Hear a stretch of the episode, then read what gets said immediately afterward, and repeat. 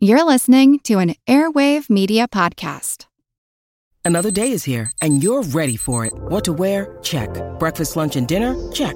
Planning for what's next and how to save for it? That's where Bank of America can help. For your financial to dos, Bank of America has experts ready to help get you closer to your goals. Get started at one of our local financial centers or 24-7 in our mobile banking app. Find a location near you at bankofamerica.com slash talk to us. What would you like the power to do? Mobile banking requires downloading the app and is only available for select devices. Message and data rates may apply. Bank of America and a member FDIC. Hey, have you ever used Cheapo Air? For years, and I really like it. With Cheapo Air, you can book online, use their app, or even over the phone. They've got great prices on over 500 airlines and millions of accommodations. They're my go-to for travel planning. And if you join their Club Miles program, you can earn points to save on the cost of your travel. Book on the app and you get double points. Sounds like it's time I tried Cheapo Air. Call Cheapo Air at 855-247-3279 or visit cheapoair.com slash podcast. This is Kick-Ass News. I'm Ben Mathis.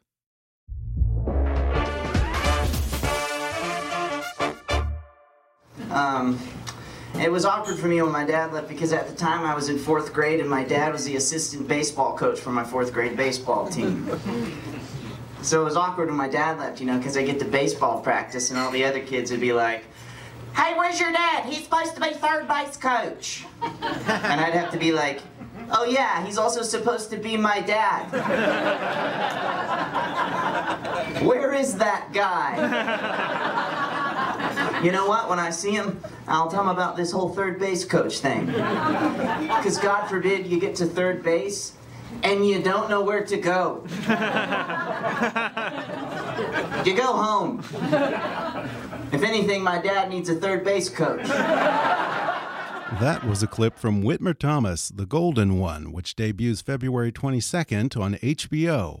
Comedian Whitmer Thomas's first one-hour special features a provocative and intimate blend of storytelling, comedy, music, and documentary as he reflects on topics that include his Alabama childhood, his current life as an LA comedian, as well as his identity as an aging emo kid, the problems he faces in the dating world, and the legacy of his late mother. And today, Whitmer Thomas joins me on the podcast to talk about making his first comedy special at the same concert venue where his mother and aunt used to perform, how his comedy and music honor his late mother, and how, in a way, he's now fulfilling her dream by pursuing his own. We also discuss some of his most recent skating injuries, what it was like touring with comedian Bo Burnham, and how he went from being an angst ridden emo kid in high school to parodying emo culture in his act. Plus, we talk Pee Wee Herman, Trump, Blink 182 as the ultimate parody band, and the time a three year old Whitmer got kidnapped. Coming up with Whitmer Thomas in just a moment.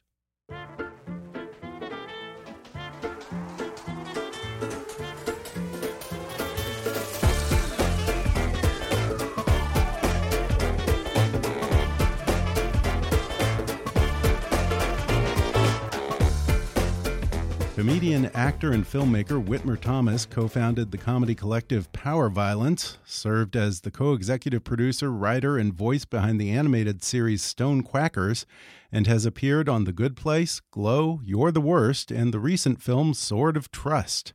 He also toured nationally with Bo Burnham and was recently named one of Vulture's Comedians You Should and Will Know in 2019. Now he's out with his first hour long special called Whitmer Thomas, The Golden One, which debuts February 22nd on HBO. Whitmer Thomas, welcome. Thank you for having me. I enjoyed the special, and you taped the special in Alabama, but I guess you live out here right now. You're you're an Angelino. I am, right? yeah, yeah. I grew up in Alabama, though. Okay, okay. I, I don't know why I just said that. By the way, that's Angelino. I just cringe every time I hear that term because of all the geographic identifiers. You know, New Yorker, Floridian, Chicagoan. I, I think that's the one that sounds the most vaguely racist, like a racial slur. it it's like those yeah. damn Angelinos are taking Yeah. our jobs or something. Totally, yeah. now that's a huge change from Alabama. I mean, I'm from Texas, but I've been here a long, long time. But I can relate. You know, Yeah. country mouse becomes a city mouse and all that. Very different. It, it took me a long time to figure out how to even have fun in LA because of the Really? kind of stuff I was used to as a kid in Alabama. I was Yeah. like, well, you know, to have fun, you like uh, shoot stuff or set yourself on fire. you find something to jump off of. Yeah. And then I moved out to LA, and I was like, "What the what the hell am I supposed to do out here now?" yeah. yeah, they're not a lot of places to jump off of, don't they? Um, I think most of the building codes here require that buildings not allow access to the rooftop. I know. So, And that was a huge part of my childhood was breaking into condominiums down on the beach and, really. and messing around. Yeah. now, do I have this right that you originally came out here to be an actor, not I a did, comedian, yeah, right? I did. Yeah, right when I turned 18, I I met a guy uh, my senior year of high school who uh, worked at a special effects company. He was a family friend of uh, one of my friends, and uh, he said uh, he would give me a job Huh. working as a PA out here if I ever decided to actually come out here. And so I, I was like, cool, I, I'll come. Right when Huh. I tu- a- as soon as I turned 18, and so I did, and then uh, he never answered my phone.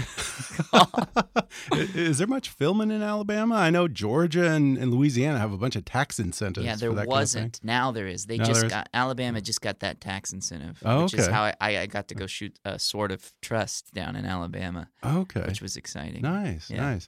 And so you came out here to be an actor. When did you first start to get into comedy? About a year after moving here, um, I started to take classes at the Upright Citizens Brigade.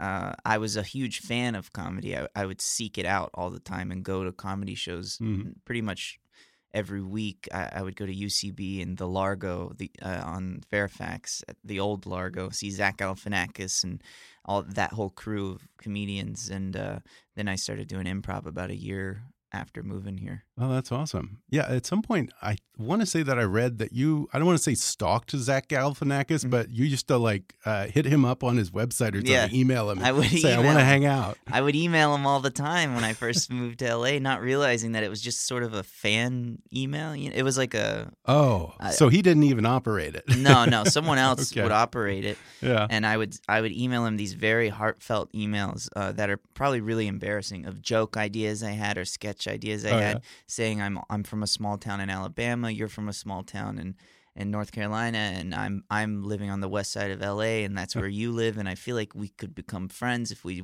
if you would just give me a shot.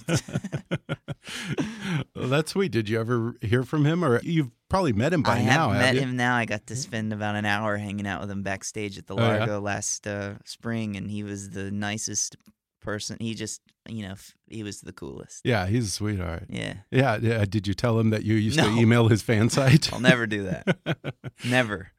Your act also kind of alternates between doing stand up and also musical parody songs. Mm-hmm. Were you a big fan of Weird Al, or who were the people that you grew up looking up to? I love Weird Al. Um, of course, yeah, Weird Al, big time.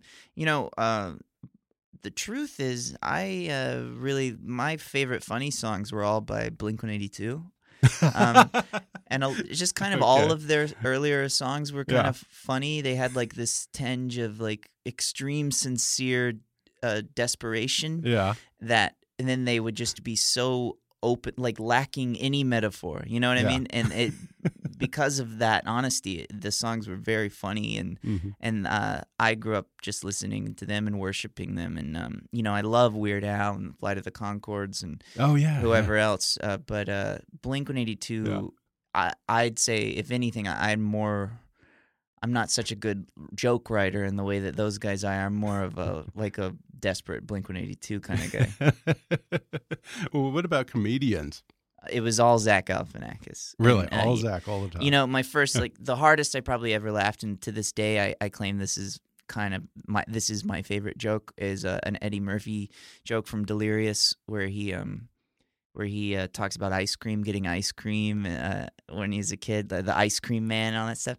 Yeah. and uh, it's still like the funniest joke ever to me. But um, it, it- the gateway, you know, eventually it was all the alternative comedy Mhm. kind of the first guys, and um, you know, Maria Bamford and Tig and Yeah. Zach Galifianakis. Um, but and still to this day, he makes me laugh in a way that um, yeah. I just I've never been able Yeah. to kind of find anybody else who Yeah, makes me he's laugh so that way. funny. Between Yeah. two ferns and uh, what is it? Uh, baskets, baskets. I mean, who who even knew he had that heartfelt side to him? Yeah, I mean the cl- uh, there Rory Scovel is the guy who I think is Mm. He has that same type of magic that Zach and Yeah, those guys definitely. have, but uh but he's you know a different um, yeah, generation of comedian. So Yeah, you don't have a very pronounced Southern drawl, I have to say. Now, I'm from Texas, Mm-hmm. and neither do I, but I've been here like 25 years. How did you shake that? Was that on purpose? Or well, yeah, I've been out here for 13 years. oh, you have yeah, that long? Yeah. I, well, you're you're still a pretty young guy, aren't you? Like I'm 30 or- 31, yeah. Okay, so you've been out here Um, a while.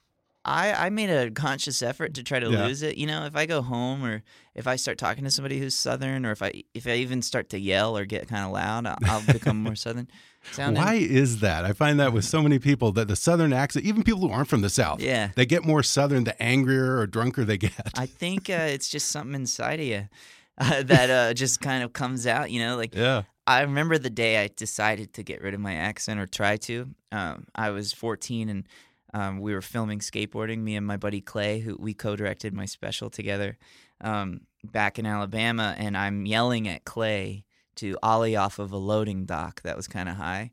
And uh, I go, just do it. Don't be a bitch.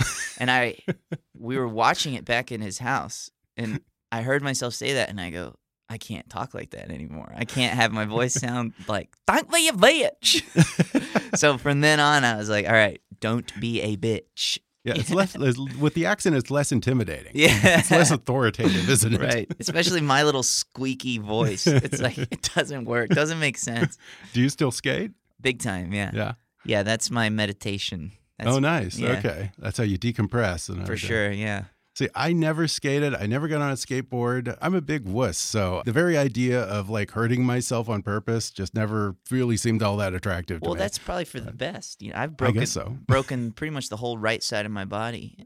And, Shit, Yeah, really? I'm I'm injured right now. Which is yeah. What, what kind of injuries I you have right now? uh, I got a lower back thing. Uh, that uh, something about the lower back. It's bad. Uh, and then you know Oh, I, I've had knees, multiple knees. Just had a knee surgery a couple years ago. Um, uh, my wrist has been broken so many times I can't even bend it all the way. it like it uh you know I've I've really messed myself up. Yeah. So uh, looking back, it's probably a good thing that you didn't get into it. But that was just part of it. You know, I was like Yeah. so into the kind of that culture, DIY kind of Yeah. skate punk culture. So that was my that was my world. Yeah, yeah, kids get really into that. But Mm-hmm. I, I never understood it because, like, that's the one way of getting around that was never a legitimate mode of transportation. Mm-mm. Like, at least cars and bikes, they started out as transportation and then became fun and the objects of passion and that kind of thing. Skating was never like a way to get from point A to point B, was it? Well, especially not in a small town. Maybe in LA. yeah, or, maybe. Or where the roads are smooth or New York. Mm. But in Alabama, it's like what do you want me? I, especially where I'm from, it's a little island town with shell roads. really? yeah, there was it was there was nothing. There was no way. It was just about tricks, you know, doing Yeah. tricks and jumping off stuff and Yeah. getting in trouble at the civic center or whatever it is. There, there's something appealing to me Getting in about with all that. the Civic Center. Yeah. Yeah, I I mean, I literally have no reference for Alabama either. And if I do, they're probably not good ones. Right, no. so it's Jeff Sessions, The Confederacy, and Sweet Home Alabama. Sweet Home Alabama is probably the most positive reference that I have for Alabama. And even then, they still talk about it's still kind of a problematic song. Yeah. I, I always say like as a kid growing up in Alabama, they have Alabama history, and it would be like the teacher just going, "Okay," opening the book and go, going. Well, here we go. you know, because there's just not a lot of positive stuff. But this, they were actually purple when it came to the impeachment vote. One of the purple states, like really, Alabama? split, yeah, which is good because we have Doug Jones in office down there now, and he's Wow. a, he's a really cool guy.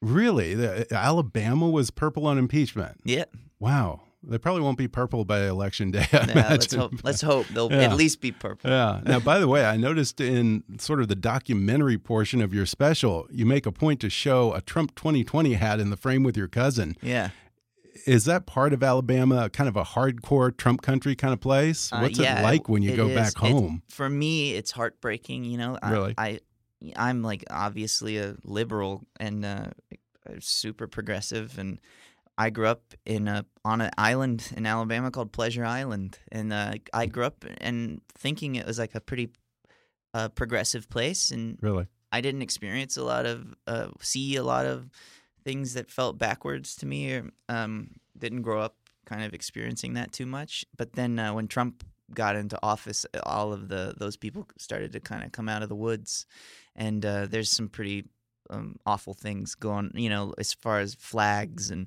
things Mhm. like that go down there, and Yeah. uh, you still see the stars and bars when you drive around. more now Alabama? than ever. Oh, more. Uh, than- yeah, wow. it uh, it Wow. that kind of went away when I was a little Hmm. Kid. You know, a younger, really that was around, and then that went away, and then now it's back more big time, more than ever. Wow. And as far as that with my cousin Wilkes, um, I just thought, you know, he put that there, and he he uh, said, you know, like I want people to know that I'm. I don't want you guys to like change like you know I, I want people to know that I voted for Trump and I was Huh. like that's fine you know and I think it's pretty interesting that he he's such a beautiful kind of emotional yeah. person and he Yeah. cares so deeply about people being treated fairly and you know I I just thought why not show that Yeah. side you know side of him even though I, our politics are completely Yeah. the, the opposite When, Um, when yeah. you go back down there, uh, do people treat you like some kind of a liberal vegan LA stereotype? Not at all. And No? I, I make fun of them and Oh, they yeah? laugh, you know, like but I do a song in my special called Dumb in Love, which is making fun of people who aren't um don't try to educate themselves on the things that are going on now. And the Yeah. joke is that they're probably a lot happier than I'll ever be, but they laughed harder at that than ever and No most of, I was singing that song to people who it was about, you know. Yeah, I think that was my favorite song in the special because uh, you really capture the moment that we're in right now. I feel like that's where we are as a nation. And I wonder, does it feel like the world is getting dumber or is it just that dumb is getting louder? I don't know, you know. I think that um people are getting just more and more annoying. hmm and um, I, I don't think that there should be some sort of middle. I don't think we should reach across the aisle. hmm But uh, I think because of social media, we've we're just able to kind of people make a joke. Some people don't understand it's a joke, and then they use that as some psychotic leverage to to instill fear into the hearts of a you know Mhm. a thousand more Yeah. people. And Yeah. and uh, the reality is, you know, I go down and talk to people, family members, whoever, people who I just all it is is a conversation and and a lot of the times they don't even actually believe the things that the person that they Mhm. voted for believes in they don't they you know and, and i'm not saying that they're dumb it's just people down there they have um they care about different things you know like Mhm. the star wars movie just came out that Yeah. last one Yeah. and I was back home and I said, "Does anybody want to see the new Star Wars movie?" And they go, "They made another Star Wars movie?" no, really? Was like- aren't into Star Wars? Yeah, yeah. And they go, "Why do? Why is there another one?" Like that's there. uh, like the star, a Starbucks opened in my hometown and went Yeah. out of business. Like Wow. people have that might be a first. Yeah, they have a different set of Yeah. things down there, and uh, it's not because Wow. they're stupid at, at all. It's it's they just care about Yeah. different things. you know? Yeah. And somewhere I read you said that uh, I guess when you go back to Alabama and people ask you what you do, you kind of dance around the subject and try to avoid telling them that you're a comedian. Why is that? Are, are people down there weird about being in entertainment or what? No, it's because I have had I've been floundering out here for uh almost uh, for it was for 12 years until Oh, okay. until this special so Okay. I had nothing to show, you know. So ah, when okay. people would ask me what I did, I- I'd say if I said I was a comedian or or whatever, they they go, "Oh, where can I see your stuff?" or "Can I see you on the Tonight Show?" or you know, I'd and I'd be like, Okay. "No, yeah, I got nothing to show," you know. And I, also, I'm I'm broke, so okay. Okay. so I just okay. didn't want to So that was more of a out. me thing than a them thing. Yeah, yeah. I got it. It wasn't. No, everybody down there has been so supportive. Yeah, I was Mm-hmm. on The Walking Dead a couple years ago, and they that was like, uh, people down there got really excited. Oh, that's about awesome. That because that, that's a that's a show that uh, a lot of people in the south. I love like. that show. What Yeah. What was your role on The Walking Dead? I play a um. Were uh, you kind living? of like a yeah, I was living. okay. I play like a kind of Jeffrey Dahmer esque guy who uh, kind of takes Ezekiel uh, across, who's a character on the show, across the uh, this field and kind of with the plan to take him to to Negan, and uh, and then I, I get uh, sliced in half. Oh, nice. okay. But it was a fun- it was cool. I think I re- now. No, I remember that now. I don't Okay. look like how I actually look Yeah. in it at all. They like gave me a crazy hairstyle and all that stuff. That's such a great show. We're going to take a quick break, and then I'll be back with more when we come back in just a minute.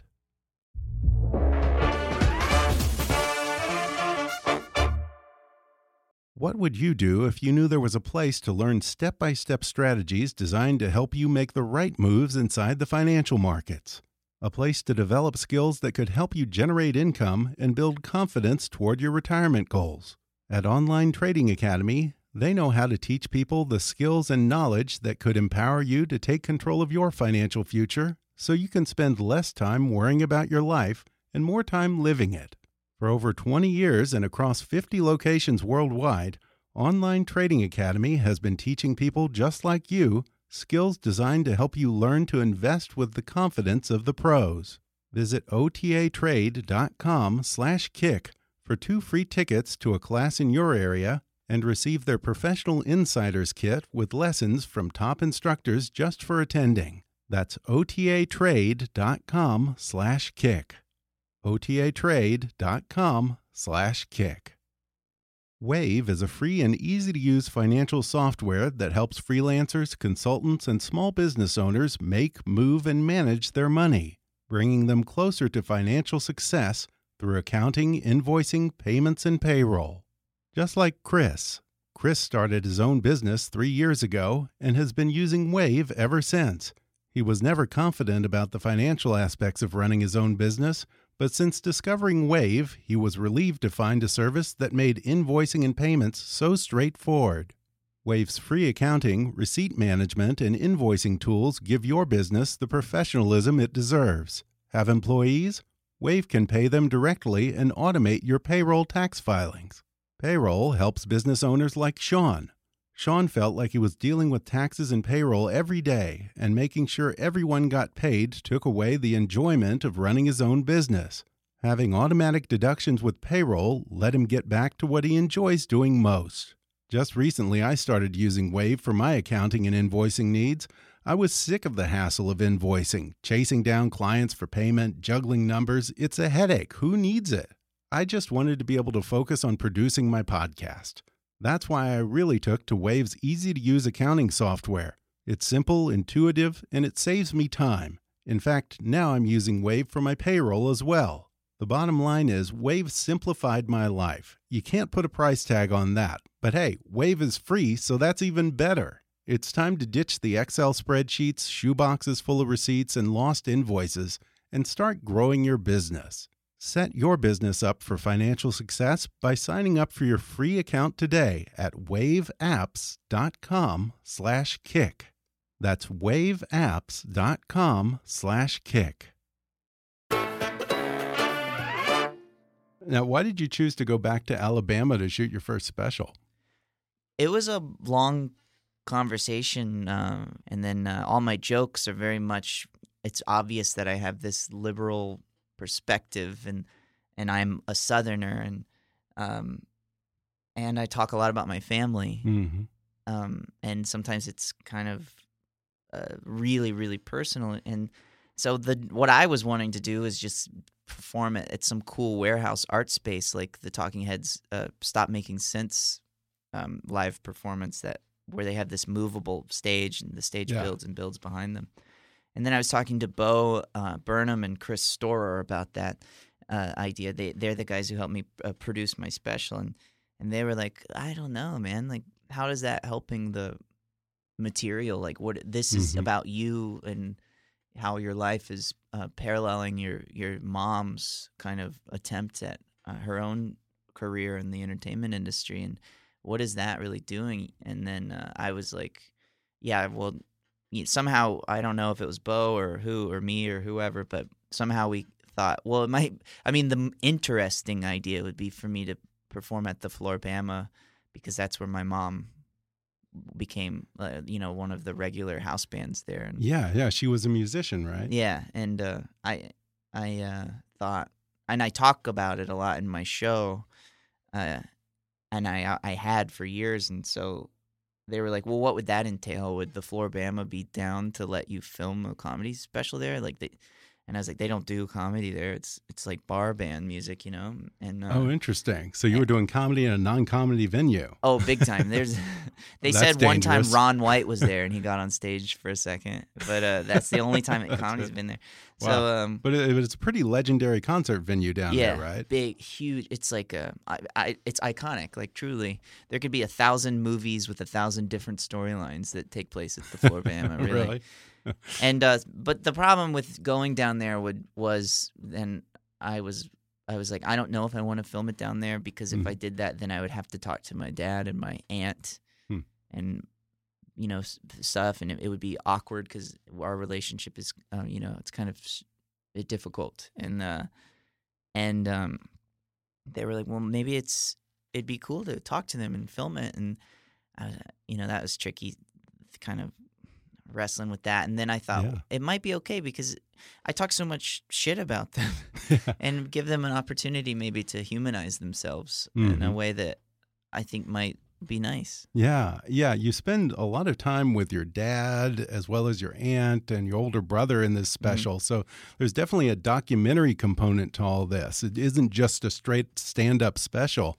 That's pretty brave for a comedian. I mean, what made you want to expose that side of yourself to audiences Um, and that side of your family? right. Again, just like desperation. but I, th- what ended up happening really is once I thought about that, I, it became, I don't feel comfortable doing it without that because I don't want to go on stage and talk about how my dad left and all this stuff, and then you never meet him and realize he's a guy who had his own Yeah. struggles and and or why I haven't talked to my aunt in in a long time since my mom died and then you never see that you know she had to watch her identical twin sister die and Yeah. how, how that might mess with you Yeah. and or you know so I thought that might be nice instead of allowing people to paint the picture of these like villains in their mind and so that was kind of the only way to do it for me and Mhm. and the truth is that I still kind of struggle with that every day well, oh I exposed my family in some way but the hope is that people will watch it and maybe they'll just think again about somebody that they haven't spoken to in a long time and Yeah.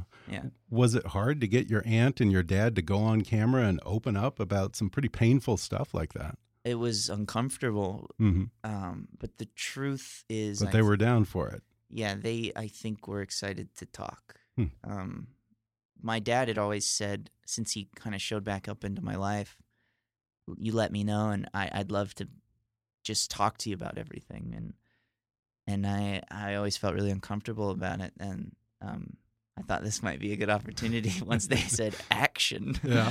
no but uh, he was really ready you know Mhm. and so with me and my aunt and my dad, we talked. For, that's a full Mhm. day, and then we had to find like three minutes out of or whatever it is, you know. Yeah. Well, maybe it's almost like you needed to have this project to force that moment. Otherwise, you know, it's so awkward and then it just never happens. Yeah, Two people never connect and it never happens. I, it's sad to say. Like in a way, I'm like, what a what a tool, you know. I had to get a stand up comedy special on HBO to go reconnect with my family, but I mean, I but did. sometimes you it- need that. You need it- you need somehow to open that form and make it okay.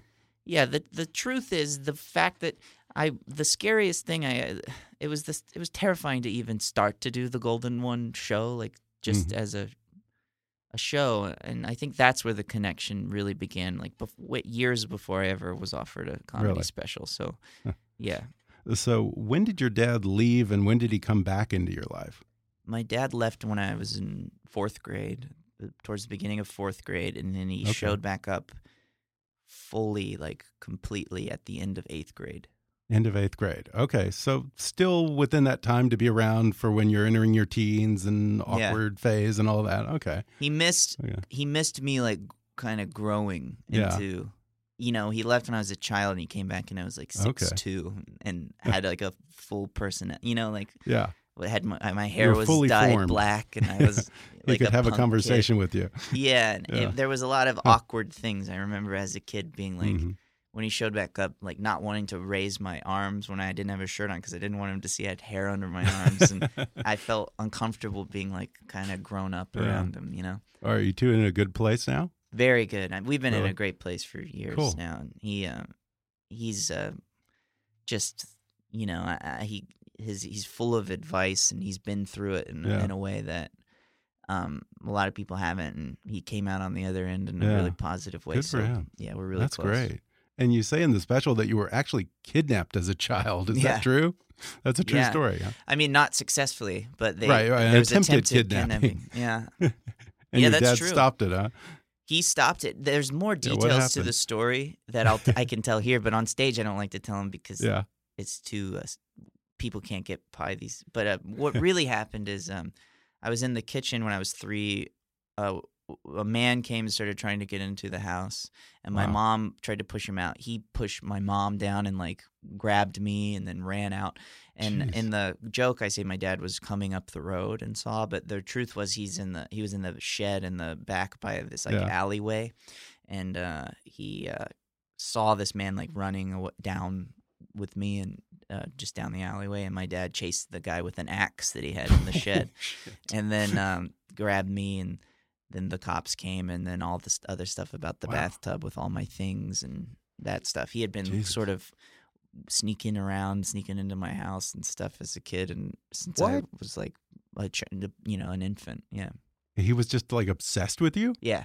He was a, and he had Wow. there was uh, he had a history of that already. Yeah. he uh, had already been in trouble for that, and his brother was supposed to be looking out for him, um, but his you know brother wasn't doing that. And Oh so my He went to jail. he died in jail. Wow. So now, so now that you're famous, when people ask you if you've ever had a stalker, you can say, "Yeah, I did. I was three years old or something." Right, right, right. now, a lot of the special talks about uh, you dealing with your mom's death, and in some ways, sort of following in her footsteps into entertainment. First of all, how old were you when she passed away, and what did she die of? I was 20 when she Okay. died.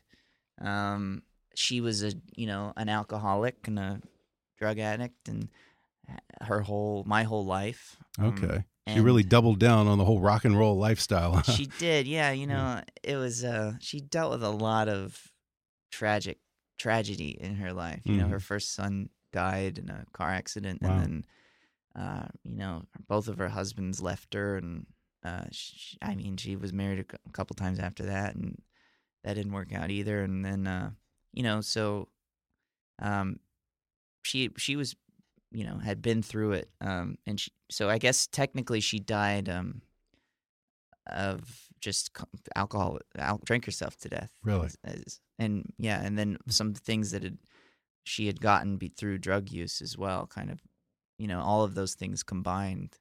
Um, and then yeah, when I was twenty, she died, and and that's kind of the chaos that's kind of surrounded watching her die, and the way that my family kind of was acting, um, all kind of dealing with this kind of their own grief uh, is what made me kind of run to LA and decide Mhm. n- to never Yeah. really go back and to Alabama and not talk to the people Wow. anymore and um and then I became a really what happened is my mom when she died she I, I got uh, ten thousand dollars um and from inheritance and she wrote like please on a letter don't spend it on rent um so I had to figure out, you know, what to do. And I had wanted so badly to be a comedian, and uh, Mhm. that is when I, I rented a theater in in uh, L.A. in Hollywood, wow, like a really? little black box theater, one night a week Huh.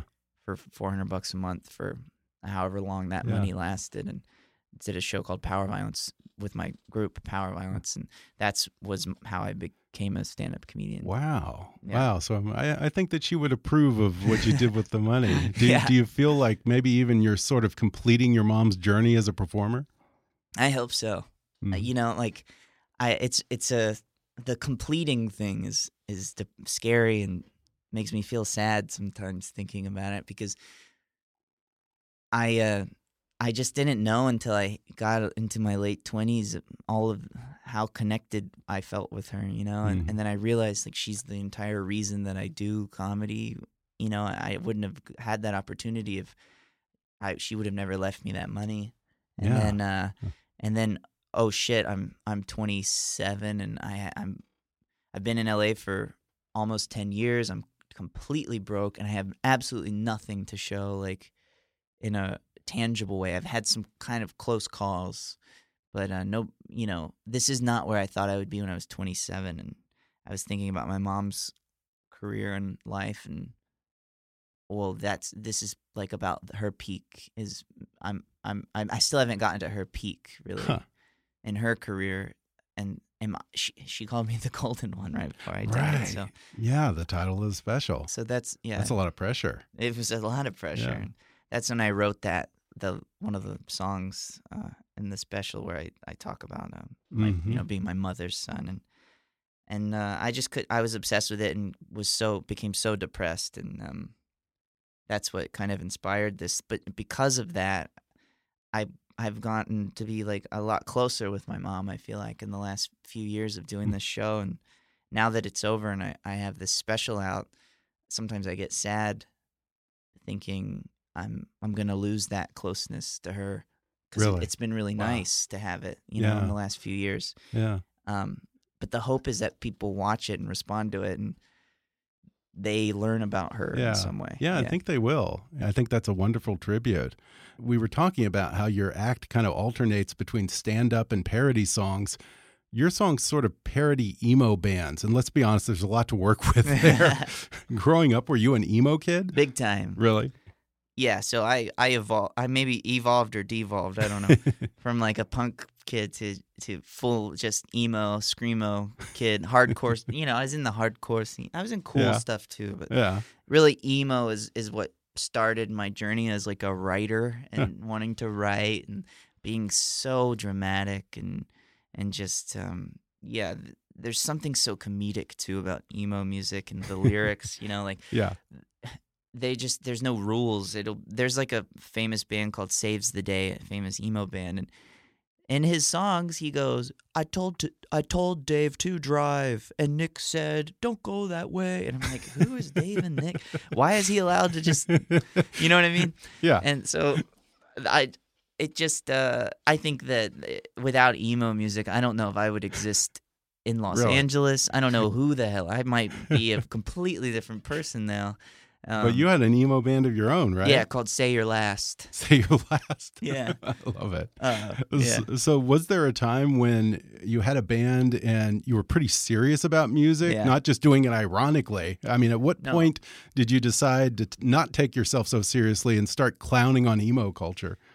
i mean dude in high school my band was so serious Yeah. say, say your last we were the most serious and uh, uh, that was what i wanted to do. We we got to put out an ep and i think um, we came close to like having this little record deal and Really? what ended up happening was that was our whole life was this band and going on tour little tours around the southeast and my brother was older brother was doing it too. His band was way better and kind of more successful and we could see like oh we're not them. We're never going to be as good as my brother johnny's band and and at the same time me and clay who is my collaborator to this day still who i grew up with were getting really into movies and and comedians of comedy the documentary um, with zach galifianakis and patton and brian posehn and maria bamford that had come out and we just are eh, things there was a shift you know dave Mhm. chappelle the chappelle show had come out too and the block party stand-up music hybrid thing that he did and there, eh, you know wes anderson had just sort of like rushmore and, and then Yeah. life aquatic and stuff there was like cool stuff. Yeah, something in the air. yeah uh, Definitely. for a teenager to kind of get into and um so and at the same time uh we we couldn't skate anymore because we had both injured ourselves skating and um we were doing this music thing all the time and our a couple members of the band were older than us and in a different part of their life and so the band was much more serious to them than it was to us Yeah. in a way that made it less fun Yeah. so um, we decided to stop doing it, and um, we just quit uh, the band one day. And um, me and Clay started making little short comedy videos, and Clay got a scholarship off of the videos into Savannah College of Art and Design, and then Huh. yeah, and I Really? um, yeah, made Yeah. it, came to L.A. Yeah. I mean, I kind of feel like there's something about a 30 year old doing emo that is a parody in itself, isn't Right. it? I mean, Well, it's like what does a 30 year old emo kid sing about? right, exactly. You gotta, you got. What makes emo interesting is the authenticity. Yeah. you know. And what I was so sad as a teenager when I was in my band, but nowadays I still write sincere music. But the shit that Mhm. makes me so sad is so so different. You know, Yeah. like I, uh, you know the. I I like hate having a broken iPhone screen or, or whatever it is, Yeah. and it's Yeah. you know HBO how- gave my special a terrible slot. right, right, right, right. The it's just very different, but I think that's what is difficult about emo is you got to Yeah. remain authentic in order to Yeah. age. So I, I, I, I kind of would love it if, you know, like fifty year old emo singers mm-hmm. just sing about their real problems, which is. Yeah. that they can't afford for their kid to go to college or whatever it is. I also love that you make fun of the whole spoken word part of emo songs. Mm. Yeah. That's great. Yeah, and it's funny thinking about me doing it because spoken. Mm. I don't know why, but everybody talks in that kind of Yeah. goth voice, like um, mm, life is terrible, and why did I like? There's a photograph that I remember as the ashes fell on, underneath the rain, or, or whatever it is. But it's funny because like my whole scene was all in the deep south, so we Yeah. all had these southern accents, and we were like doing it. But it'd be like, it's fine. The the ashes of tomorrow will never come. the I cry tears, tears of red. yeah. I mean, emo has such an outsider thing about it, but especially in Alabama. Yeah. I, must, I have But to it's, imagine. It's a th- got a thick presence Mhm. down there. Really? No People- kidding. People appreciate it down there. That joke. What's funny about that joke is it's very rare that people don't laugh at it, and Yeah. I think people get what I'm talking about because Yeah. there's always been a version of emo. You know. hmm Yeah. Now, we mentioned that Bo Burnham is an executive producer on the special, and you also toured with him for a while. He's been on the show before. He's such a cool guy, nicest guy in the world. What, what's it like to go on the road with him? That was incredible eh, because that was his big. Sh- that was Make Happy. So it was. He was just final form. Hmm or I mean, I'm sure there's another exciting form that he's going to take soon, but at the time it felt like, wow, this guy is just peak Yeah. doing what he's no, you know, made to do. And uh the show was just every night I would watch it and it was just so inspiring to watch him do comedy music in a way that felt almost more like a play than anything. It, hmm he would be telling a joke and then it, it didn't feel like and now here's the song you know you know which i never really liked when uh, comedy musicians would do that. So it was really it's inspiring to watch. And i remember me and him sitting and saying like on the tour bus being like what have you ever thought of like making a comedy song but it's it's like a, just a normal song and but then there's comedy in it? And he was like ah that's not for me. And then i you know did that with i guess my songs which Yeah. Which were Yeah, all Kind, kind of of bridges that divide. yeah born out of Yeah. the all of my comedy songs were born out of a failed attempt at a sincere album of music So i took like the music and just wrote yeah. kind of a little bit funnier lyrics over it Yeah, and by the way, as we wrap up, I have to thank you for standing up for Pee Wee Herman in your special. I kind of feel like he deserves a pass at this point. After Yeah. everything that's happened over the past few years with Me Too and all. right Pee Wee's okay get over he that. jacked off in a movie theater that's it Yeah, and it was just him unbelievable. you know in a porn theater Yeah, it's okay yeah. What do you think goes on in those places? Come on, right there's got to be Yeah. some more if they stuff. exist anymore. they just were know. following him around because he's Pee Wee Herman Yeah. Now I heard that he's actually going on tour and supposedly is trying to do a reboot of Pee Wee's Playhouse. Oh, So, that's cool. Yeah, my friend was just at one of those shows, and it was really Oh, good, really? He said, "Yeah, Yeah, yeah, yeah. I think he sold out LA Live when he did it maybe a year or two ago. dang, that's cool. Yeah, yeah. So good for Pee Wee. Good for him. Something to look forward to. Another thing to look forward to, I should mention that you have an album coming out with these songs. When does that drop? It drops on Friday. Oh, okay, same time. The hope is people will watch the special, and then they'll go, Perfect. Maybe I can find those songs somewhere. Beautiful. Yeah. Well, look for Whitmer Thomas, The Golden One, debuting February 22nd on HBO, and go look for that album. Thank Whitmer you. Thomas, hey, thanks for talking with me. Thank you, man. Thanks again to Whitmer Thomas for coming on the show. One more time, check out his hour long special, Whitmer Thomas, The Golden One, on HBO February 22nd. If you enjoyed today's podcast, be sure to subscribe to us on Apple Podcasts and rate and review us while you're there. Five star ratings and detailed reviews are one of the best ways for new listeners to discover the show. You can also follow us on Facebook or on Twitter at, at KickassNewsPod and recommend us to your friends on your social media. For more fun stuff, visit kickassnews.com, and I welcome your comments, questions, and suggestions at comments at kickassnews.com. For now, I'm Ben Mathis, and thanks for listening to Kickass News.